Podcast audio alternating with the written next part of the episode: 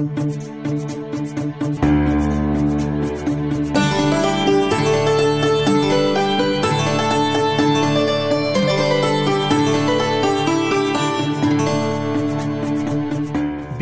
लैङ्गिक समानता र सामाजिक समावेशीकरणका सवालमा सूचनाको पहुँचका लागि हामी सबैको प्रयास कार्यक्रम साझा पहल।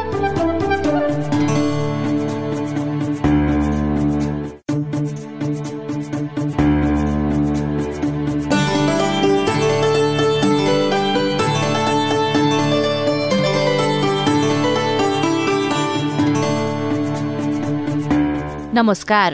रेडियो कार्यक्रम साझा पहलमा तपाईँलाई हार्दिक स्वागत छ। म सुशीला श्रेष्ठ।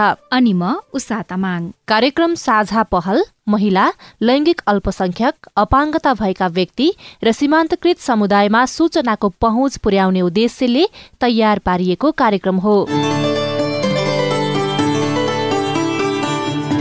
अहिले कोभिड उन्नाइस नियन्त्रणमा आएको जस्तो देखिएको छ तर यसले महिला तथा सीमान्तकृत वर्गमा आर्थिक सामाजिक तथा मानसिक रूपमा गहिरो प्रभाव छोडेर गएको छ। कार्यक्रममा हामी कोभिड उन्नाइसको प्रभाव लैङ्गिक समानता र सामाजिक समावेशीकरण जेसीको बारेमा छलफल गर्नेछौ। लैङ्गिक समानता र सामाजिक समावेशीकरण दृष्टिकोण भन्नाले हामी यस कार्यक्रममा महिला सीमान्तकृत वर्ग बालबालिका ज्येष्ठ नागरिक अपाङ्गता भएका व्यक्ति एकल महिला लैङ्गिक अल्पसंख्यक विभिन्न प्रकारका हिंसाबाट प्रभावित भएका महिला तथा किशोरी दीर्घरोगी गर्भवती तथा सुत्केरीका सवालहरूलाई प्राथमिकता दिनेछौ। सँगै लैङ्गिक हिंसा तथा जातीय विभेद मानव बेचबिखनबाट प्रभावित भएका व्यक्तिहरू सामाजिक आर्थिक तथा नागरिक अधिकारबाट वञ्चित भएका व्यक्तिहरूको भोगाई उनीहरूका अपेक्षा पुनरुत्थानका लागि सरकारवालाले के गर्न सक्छन्? विज्ञसँगको परामर्श साथै सरकारका योजना लक्षित वर्गको पहुँच र कार्यान्वयनको अवस्थाबारे खोजी गर्नेछौ। साथै कोभिड बारे फैलिएका अफवाहहरू भ्रम र गलत जानकारीलाई सम्बोधन गर्दै वास्तविक विज्ञसँगको सवाल जवाब पनि प्रस्तुत गर्नेछौ र सबैको पहुँचमा आवश्यक सूचना पुर्याउने प्रयत्न गर्नेछौ। युएन ओमनको सहयोगमा ल्याक नेपाल र अकोराबको साझेदारीमा उत्पादन गरिएको कार्यक्रम साझा पहल सीआईएन मार्फत सामुदायिक रेडियोबाट देशैभरि सीआईएन खबर डट कम र मोबाइल एप सीआईएनमा पनि चाहेको बेला तपाईँ विश्वभरि नै सुन्न सक्नुहुन्छ। साथै सीआईएनको फेसबुक पेजमा गएर साङ्केतिक भाषामा हेर्न पनि सक्नुहुनेछ। कार्यक्रम साझा पहलको चौथो भागमा आज हामी विपदको समयमा हुने लैङ्गिक हिंसाको अवस्था अपाङ्गता भएका व्यक्ति लैङ्गिक तथा यौनिक अल्पसंख्यक तथा सीमान्तकृत समुदायमाथि भएका शारीरिक तथा मानसिक यातना हिंसा भएमा के के गर्ने हिंसाका कानूनी तथा नीतिगत व्यवस्था र हिंसा प्रभावितलाई न्यायमा पहुँच पुर्याउन नीतिगत व्यवस्थामा के के सुधार गर्न सकिन्छ? उजुरी दिनुपर्छ भनेर हामीले भनेका पनि छौँ र उहाँले त्यो गर्नु पनि भएको र अझ पनि यो चाहिँ सशक्त रूपले लानुपर्ने चाहिँ मेरो बुझाइ छ। विपदका समयमा लैङ्गिक हिंसाका सवालहरू कस्ता थिए? लैङ्गिक हिंसाका सवाललाई सम्बोधन गर्न आएका समस्या र चुनौती? त्यो निवेदन हाल्नु पर्छ या त कतै चोटपटक हुनु पर्छ ब्लड सलड आएको हुनुपर्छ। तबै थानावालाले पक्राउ गर्छ त्यस्तो। मैले भने पिठ छ पिठीहरूमा कसरी ब्लड आउँछ? मान्छेले मरेपछि नै कानुन लाग्छ होइन सर?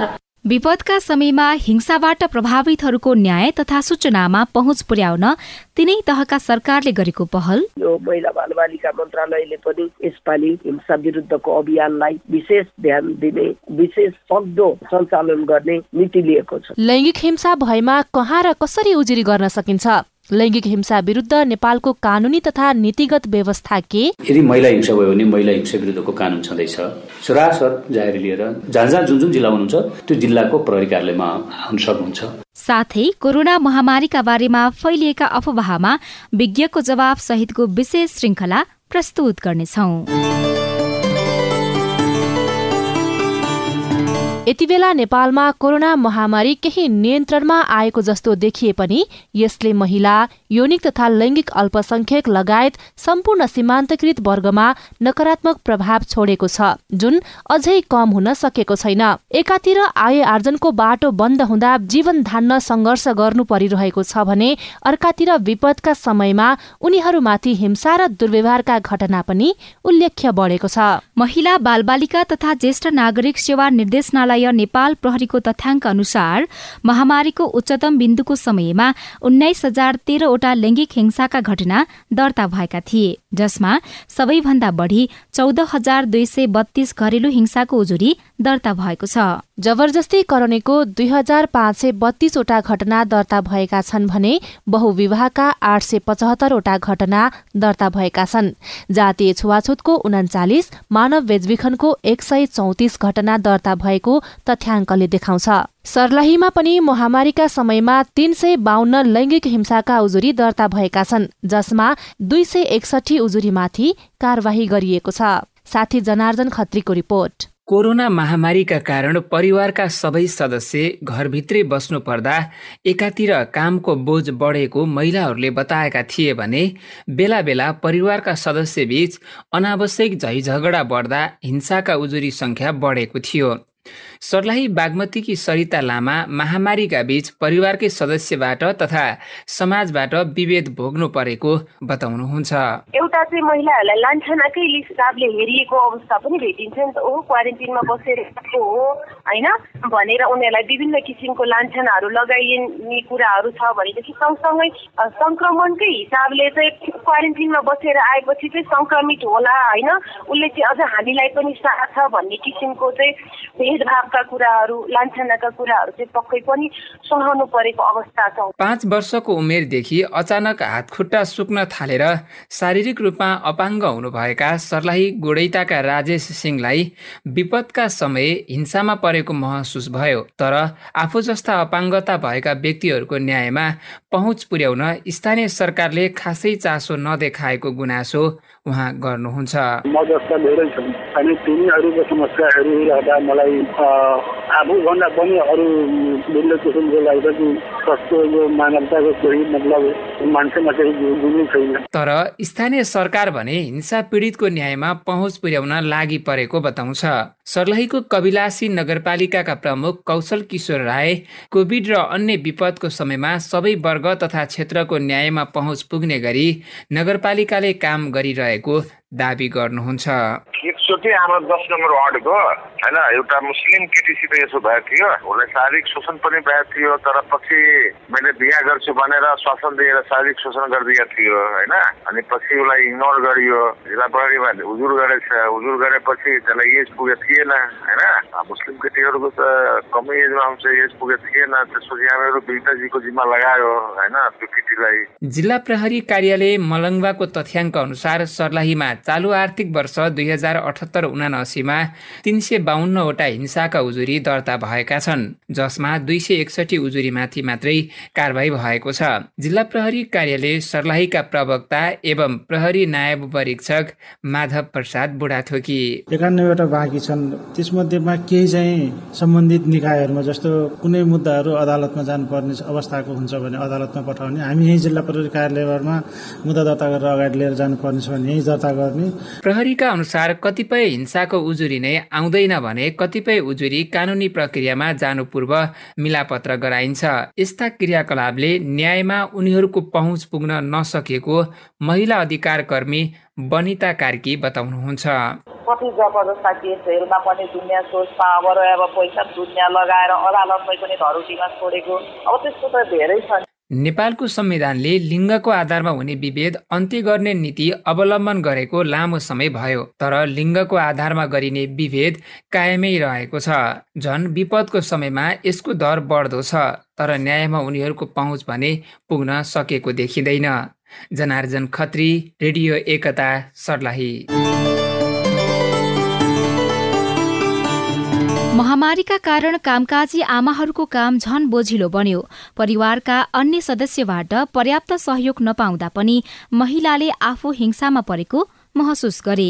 चौबिसै घण्टा श्रीमान श्रीमतीसँगै बस्नुपर्दा कतिपय श्रीमतीमाथि श्रीमाणबाट वैवाहिक बलात्कार गरियो। कतिपय महिलाले अनिश्चित गर्भधान गर्नु पर्यो भने महामारीका समय गर्भपतनका घटना पनि बढ़ेको थियो। सिराहाका एक महिला जसको नाम गोप्य राखिएको छ उहाँले महामारीका समयमा श्रीमानबाटै हिंसा भोग्नु पर्यो न्यायको लागि उहाँले गर्नु परेको सङ्घर्ष कार्यक्रममा अबको पालोमा। बुढाले चाहिँ रक्सी खाएर घरमा आएर झगडा गर्ने यताउति गर्ने पैसा खोज्ने पैसा माग्ने आफूले नकमाउने मसँग नै पैसा माग्ने त्यस्तोमा धेरै हामीहरूलाई दुःख भयो कोरोनाको टाइममा। पैसा दिएन भने जताततै बेजती गरिहाल्छ पिट्न थाल्छ रोड सोड केही बुझ्दैन हातपात लगाइहाल्छ रोडैमा पनि। त्यस्तो गरिरहेको थियो त धेरै घरमा सबै दिन झगडा नै झगडा भइरहेको थियो। सहदा सहँदै सहजा सहँदै धेरै सहे घरमा बसेर आफूले रुँदा रुँदै रुँदा रुँदै उ गरे तब सहन सकिएन तब मैले चाहिँ कुदेर वार्डमा गएँ। पहिला सुरुमा फोन गरेँ फोन गर्दाखेरि पुलिसलाई फोन गर्दाखेरि नि कहाँ छ कहाँ? मैले सबै नाम ठेकान दिएँ खोइ आएन। फेरि दोस्रो दिन फोन गरेँ तै पनि आएन। त्यस्तो गरिरहेको थियो तब मैले के गरेँ वाडामा गएँ। वाडामा गएँ यस्तो यस्तो भनेहरू मेरो बुढा यस्तो गरिरहेछ त वाडावालाले के भन्यो ल ल ठिकै छ म सम्झाइदिन्छु। कसले सम्झाउँछ र फेरि जस्ताको त्यस्तै गर्न थाल्यो। तब मैले थानामा गएँ। थानामा जाँदाखेरि थानावालाले के भन्यो त्यो सिफारिस ल नत्र निवेदन हाल छोडिदिए अब के यस्तो लपरमा परो छोडिदिए घर आइहाले एक दिन धेरै मलाई पिटेछ कि त्यो रक्सी खाए फेरि थानामा गएँ। त थानामा गए त थानावालाले के भने यस्तो कोरोनाका समयमा आउनुहुन्छ आफ्नो घरको समस्या आफै झेल्नु पर्छ। हेर्नु त हाम्रो जवानहरूलाई कोरोना लागेछ अनि तपाईँको बुढालामा के गर्नु? कहाँ ल्याएर राख्नु? ऊ हुँदैन भने सुधारै केन्द्रमा हाल्नु। त्यस्तो कुरा भनिरहेको थियो कहाँ चोट लागेछ? टाउको फुटेछ केही भएको छ? त्यो निवेदन हाल्नु पर्छ। या त कतै चोटपटक हुनुपर्छ ब्लड सलड आएको हुनुपर्छ। तबै थानावालाले पक्राउ गर्छ त्यस्तो। मैले भने पिठ छ पिठीहरूमा कसरी ब्लड आउँछ? मान्छेले मरेपछि नै कानुन लाग्छ होइन सर? यत्रो दुःख दिइरहेछ थानावालाले भन्नुहुन्छ ब्लड चाहियो टाउको फुटेको चाहियो यस्तो यस्तो चाहियो। त मैले उताबाट फेरि घर आइहालेँ। एकचोटि मैले नगरपालिकामा गएको छु हेर्नु त। धेरै कष्ट मैले गरेँ।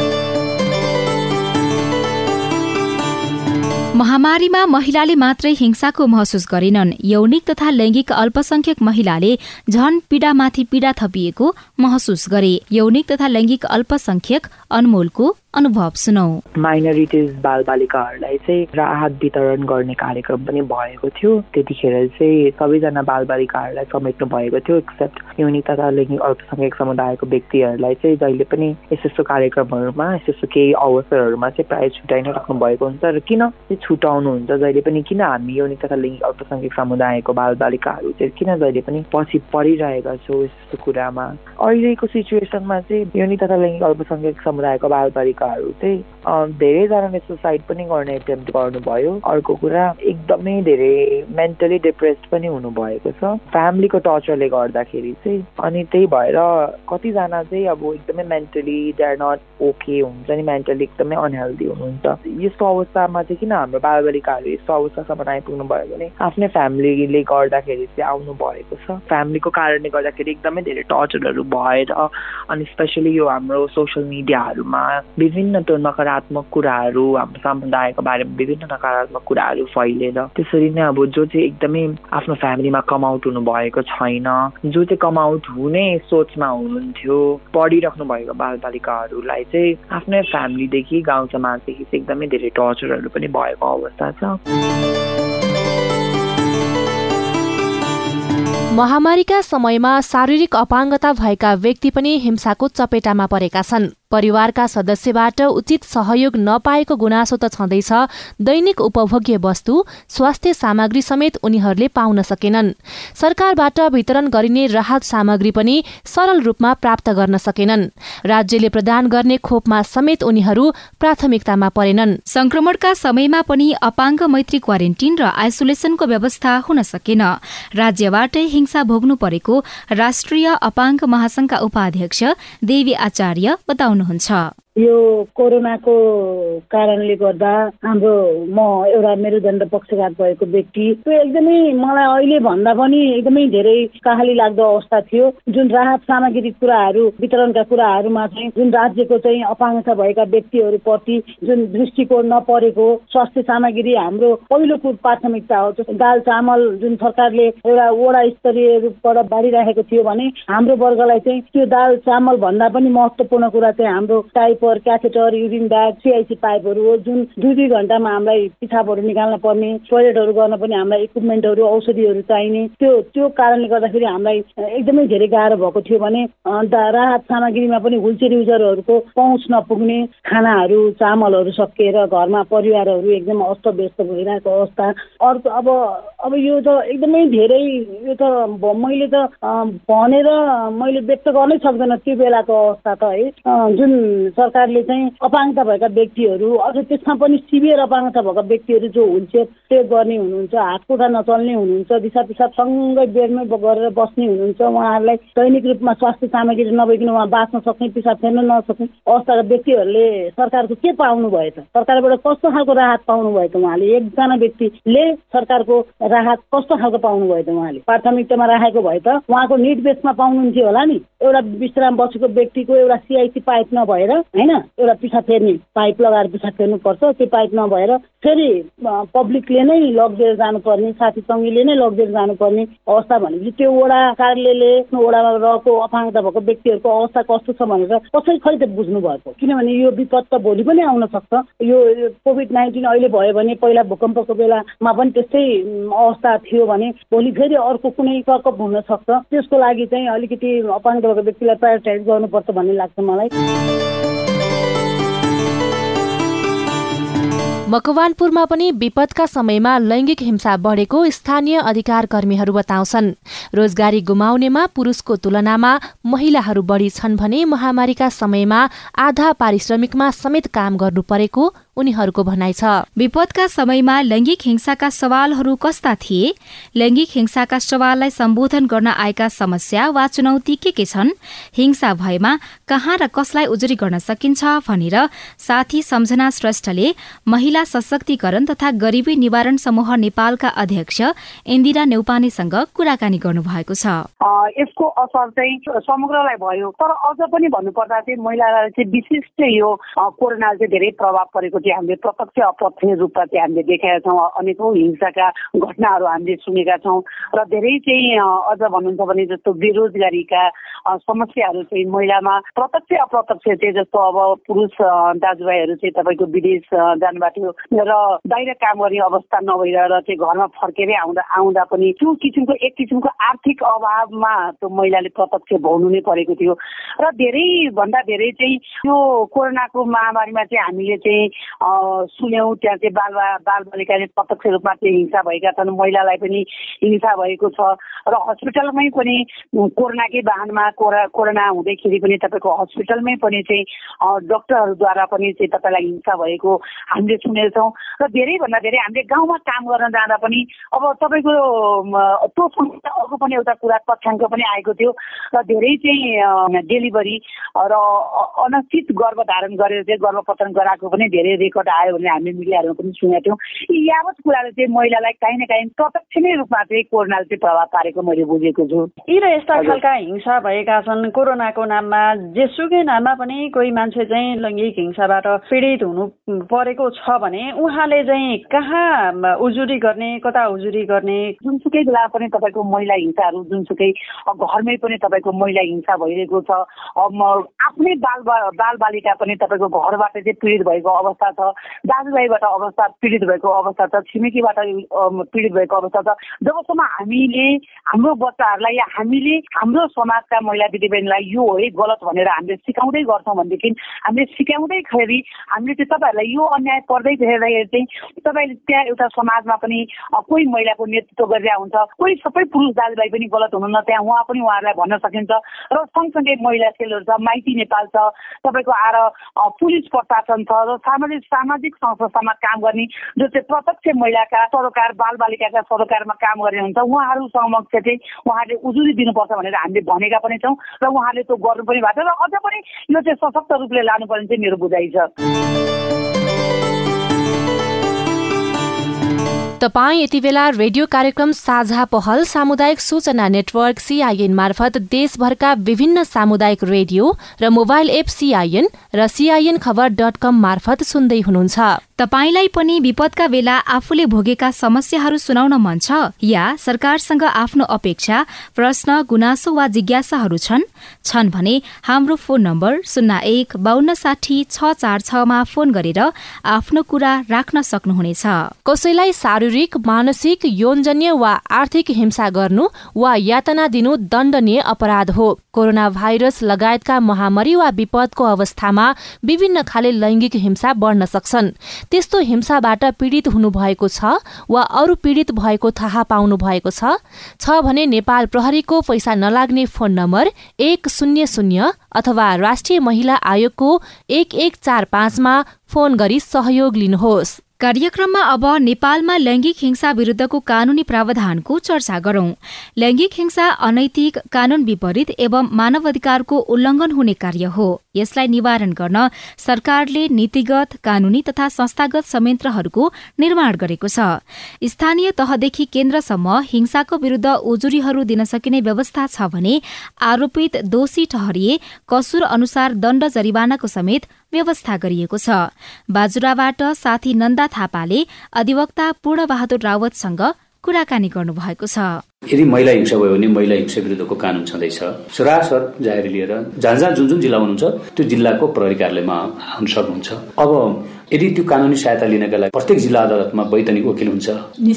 निशुल्क कानुनी सहायताका लागि। अझ भन्ने हो भने सरकारी वकिल कार्यालयमै एउटा चाहिँ कानुनी परामर्श केन्द्र हुन्छ। त्यो कानुनी परामर्श केन्द्रमा एकजना वकिल हुन्छ। त्यो वकिल कहाँ तपाईँले चाहिँ जिल्ला वकिल कार्यालयमा निवेदन दिनुभयो भने पनि निशुल्क कानुनी सेवा प्राप्त गर्नुहुन्छ। सेफ हाउस छ सेफ हाउसमा वकिल हुन्छ। त्यहाँ निशुल्क कानुनी सेवा प्राप्त हुन्छ।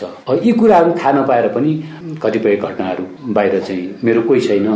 मुद्दा लेखौँ भन्दा पनि मसँग पैसा छैन भन्ने खालको पर्यो भने तपाईँहरू जोसुकै त्यस्तो समस्या पर्नु भएको छ भने जिल्ला अदालतमा आउनु सक्नुहुन्छ। मलाई कानुनी सेवा निशुल्क कानुनी सेवा उपलब्ध गराएको भन्न सक्नुहुन्छ। त्यहाँबाट वैतनिक वकिल हुन्छ। राज्यकै तर्फबाट हेर्नुहोस् न महिलाका सन्दर्भमा सीमान्तकृत अथवा चाहिँ आर्थिक रूपमा कमजोर। अर्थात् आर्थिक रूपमा चाहिँ भयङ्कर चाहिँ धनी छ तर पनि थ्रेड पनि हुनसक्छ। यदि तैँले चाहिँ मलाई उजुरी दियो भने त्यो वकिलले लेखिदिस् भने तँलाई चाहिँ मारिदिन्छु काटिदिन्छु भन्ने धम्की पनि हुनसक्छ। त्यस्तो अवस्थामा राज्यले आफैले चाहिँ वकिलको व्यवस्था गरिदिएको छ। जो वकिल व्यवसायी वकिल नभएर राज्यको तर्फबाट वैतनिक वकिल हुन्छ। उसले लेखिदिइहाल्छ। उसले सपोर्ट गरिहाल्छ भस पनि गरिहाल्छ त्यस कारणले कोही पनि दिदीबहिनीहरू पैसा नभएका कारणले आफूलाई चाहिँ कसैको थ्रेट अथवा चाहिँ कसैको दबाव प्रभाव धाक धम्की भएका कारणले कसरी चाहिँ कानुनी सेवा उपलब्ध होला पैसा छैन भन्ने कुराले चाहिँ खुम्चिनु पर्दैन।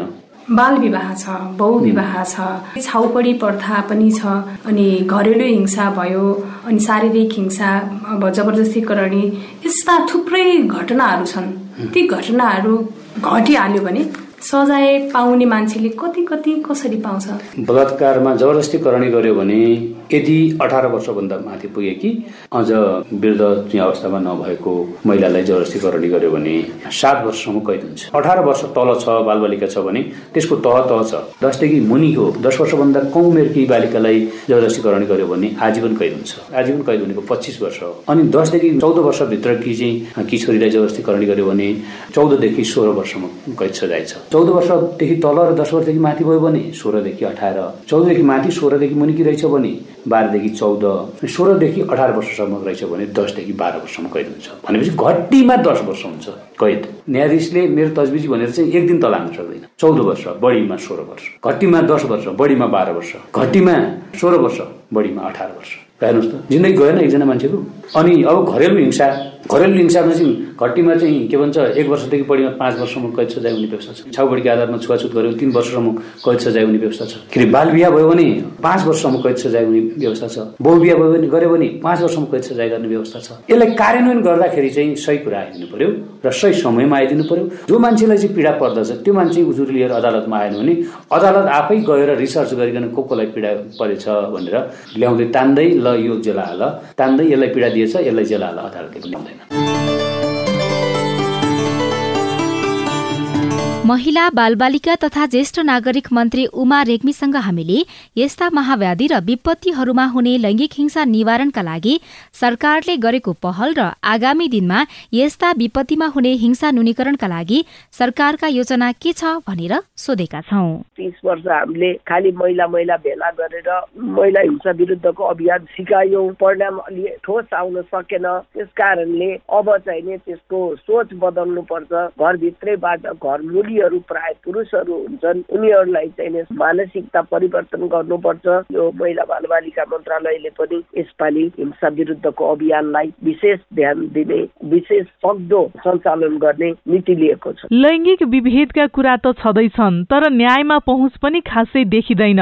न्यायमा उनीहरूको पहुँच किन पुग्न सकिरहेको छैन? कहीँ न कहीँ परनिर्भरताको कारणले गर्दा आफ्नो यो परनिर्भरता पनि टुट्ला कि भन्ने त्रास छ। त्यो कारणले गर्दा र सत्तात्मक सोच एकदम समाजमा भएका कारणले पनि महिलाहरूले अलिकति चाहिँ बोल्ड किसिमले निक्लेर आफ्नो अधिकारको लागि फाइट गर्नु नसकिरहेको अवस्था छ। न्यायमा उनीहरूको पहुँच पुर्याउनको लागि सरकारको तर्फबाट के गरिएको छ? न्यायको पहुँचमा पुग्नलाई त अन्याय भयो भने मन्त्रालयले मात्रै बनाएर भएन। संहिता आउने बित्तिकै सम्पूर्ण महिलाको क्षेत्रमा काम गरिरहेका महिला कार्यालयहरू सबै खारेज गरिदियो। त्यस कारणले तलसम्म संयन्त्र छैन। न्यायकै प्रक्रियाबाट हामीले चाहिँ प्रहरीमा सबभन्दा पहिला जाने त्यसपछि अदालत जाने त्यही प्रक्रियाबाट चाहिँ नै आउनुपर्छ। कोभिड लगायत विपदका समयमा हुने लैङ्गिक हिंसा अन्त्यका लागि सरकारको आगामी योजनाहरू के के छन् बुदागत रूपमा भन्नु पर्दा फेरि पनि कोभिडमा आउला भन्न सकिँदैन। अहिले पनि सिम्टम्सहरू देखिन थालेको छ। र कोभिडको समयमा मार पर्ने भनेकै महिलाहरूलाई हो बालबालिकालाई हो ज्येष्ठ नागरिकलाई हो त्यसो भएको हुँदा त्यसमा चाहिने महिलाहरूले विगतमा यस्तो आहत हुन नपरोस् भनेर सम्बन्धित सबै निकायलाई सचेत गराउने र हाम्रो मन्त्रालयको तर्फबाट पनि त्यसमा पहल कदमी गर्ने काम चाहिँ पक्कै हुनेछ। कार्यक्रममा अब भने कोरोना र कोरोनाको खोप बारे फैलिएका अफवाहबारे विज्ञसँगको सवाल जवाब सहितको विशेष श्रृङ्खला कोभिड बारेको भ्रम र यथार्थ। कैलालीबाट साथी गीता चौधरीबाट। आजको कोभिड बारेमा भरम र यथार्थ विज्ञ संघको सवाल जवाफमा कैलालीको नागरिकको सवाललाई समावेश गर्दैछौ। जसको जवाफ दिँदै हुनुहुन्छ कोभिड संक्रमितको उपचारमा खटिनुभएका टिकापुर अस्पताल कैलालीका मेडिकल अधिकृत डाक्टर सम्वाद खरेल। नमस्ते मेरो नाम धर्म ताम्राकार हो। कोरोनाको सुयो लाउनु त लाउ भन्दछन् अब यो डर लाग्छ कसो हुने के हुने कति मान्छे मर्या भन्दछन् कोरोनाका सुयाले सुयो अब कोरोना लाग्छ भन्छन्। अब कस्तो हुन्छ के हुन्छ भोलि समस्या बढ्ने हो कि के हुने हो कि? चिकित्सकको लागि धन्यवाद। खोपकै कारणले ज्यान गएको भनेर पुष्टि भएको छैन। र अब खोप भनेको चाहिँ हामीलाई एउटा छाता जस्तो। हामी अब यो गर्मीमा हिँड्दाखेरि सूर्यको किरण आउँछ भनेर छाता प्रयोग गरे जस्तै त्यो एउटा छाता हो जुन हाम्रै कामको लागि काम गर्दछ। सो खोप लाउने नलाउने भन्ने विषयमा चाहिँ सधैँ पनि अहिलेको अवस्थामा चाहिँ हामीले खोप लाउनु पर्छ भनेर बुझ्नुपर्छ। नमस्ते म नाम सम्झना चौधरी हो। हामी कोरोना लागि के मन के एक किसिम के डर बा आजकल घाम के सिजनले हो कि के का सिजनले हो आइना टाको बठिना खोकी लगना हाट गोरा बठिना के का कारणले हुई। हाम्रो खोप त लगाला ते पनि मन के मनमा डरै हो। असिन लक्षण देख के हो कि का मन के मनमा कोरोना पो हुई लागल कि जसिन लागत डर लागत। हुन्छ धन्यवाद तपाईँको जिज्ञासाको लागि। अब जस्तै तपाईँले भने जस्तै डर लाग्छ कि कोभिड हुन सक्छ कोभिड भइहाल्ला कि भने जसरी तपाईँले अघि उल्लेख गर्नु भएको छ कि खोप लगाइसक्नु भएको छ। अब हाम्रो डाटा अनुसारले पुष्टि गर्छ कि कोभिड खोप लगाइसकेको मान्छेमा त्यस्तो जटिलता आउन दिँदैन। र सँगसँगै चाहिँ अब पहिला कोभिड भइसकेको छ र त्यो अनुसारले आफू सचेत छ भनेपछि कोभिड लाग्दैमा पनि निको नहुने होइन निको हुन्छ। र तपाईँ सचेत हुनु भएको छ भने त्यो रोगलाई निको पार्नमा चाहिँ हामीलाई पनि टेवा पुग्दछ। तपाईँ जुनसुकै बेला हाम्रो आइभीआर नम्बर शून्य एक बाहन्न साठी छ सय छ्यालिसमा कोभिडको बारेमा कुनै जिज्ञासा अफवाह वा भरमका बारेमा सवाल रेकर्ड गर्न सक्नुहुनेछ। हामी विज्ञ वा सरोकारवालासँग सोध्नेछौ यदि तपाईँले कुनै पनि किसिमको घरेलु वा लैङ्गिक हिंसा भोगिरहनु भएको छ वा त्यस्तो हिंसा भोगिरहेका मानिसलाई देखिरहनु भएको छ भने हिंसा विरूद्ध उजुरी गर्नका लागि तपाईँले चौबिसै घण्टा चल्ने र पैसा नलाग्ने हेल्पलाइन नम्बर राष्ट्रिय महिला आयोगको एघार पैंतालिस जुनसुकै प्रकारका हिंसा जानकारीका लागि नेपाल प्रहरीको एक शून्य शून्यमा फोन गर्न सकिन्छ। यो सँगै अब हामी कार्यक्रमको अन्त्यमा आइपुगेका छौं। आजको कार्यक्रममा हामीले कोभिड उन्नाइस र विपदको समयमा लैंगिक हिंसाका सवालको विषयमा छलफल गर्यौं। कोरोना महामारीमा महिला यौनिक तथा लैंगिक अल्पसंख्यक अपाङ्गता भएका व्यक्ति बाल बालिका लगायत सीमान्तकृत वर्ग बढ़ी हिंसामा परेको सरकारी तथ्याङ्कमा उल्लेख छ। महामारी यता नेपालमा झण्डै बीस हजार हिंसाका उजुरी दर्ता भएका छन् जसमा महिलामाथि हुने घरेलु हिंसा अस्सी प्रतिशत जस्तै छ। तर हिंसा विरूद्ध नेपालमा कानूनी प्रावधान भए पनि पीड़ित व्यक्तिको न्यायमा पहुँच पुर्याउन उनीहरूको सूचनामा पहुँच वृद्धि गर्नुपर्ने आवश्यक देखिएको छ। आजका लागि प्राविधिक साथी सुभाष पन्तलाई धन्यवाद। साथै कार्यक्रमलाई सांकेतिक भाषामा अनुवाद गर्ने साथी उमा पौडेललाई पनि धन्यवाद दिँदै अहिलेको रेडियो कार्यक्रम साझा पहलबाट म उषा तामाङ। अनि म सुशीला श्रेष्ठ पनि विदा भए। नमस्कार।